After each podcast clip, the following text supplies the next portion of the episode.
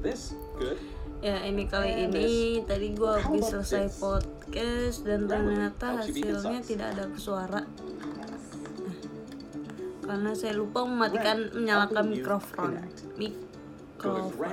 Jadi lebih baik kita hapus ini. Ya baik. Terima kasih.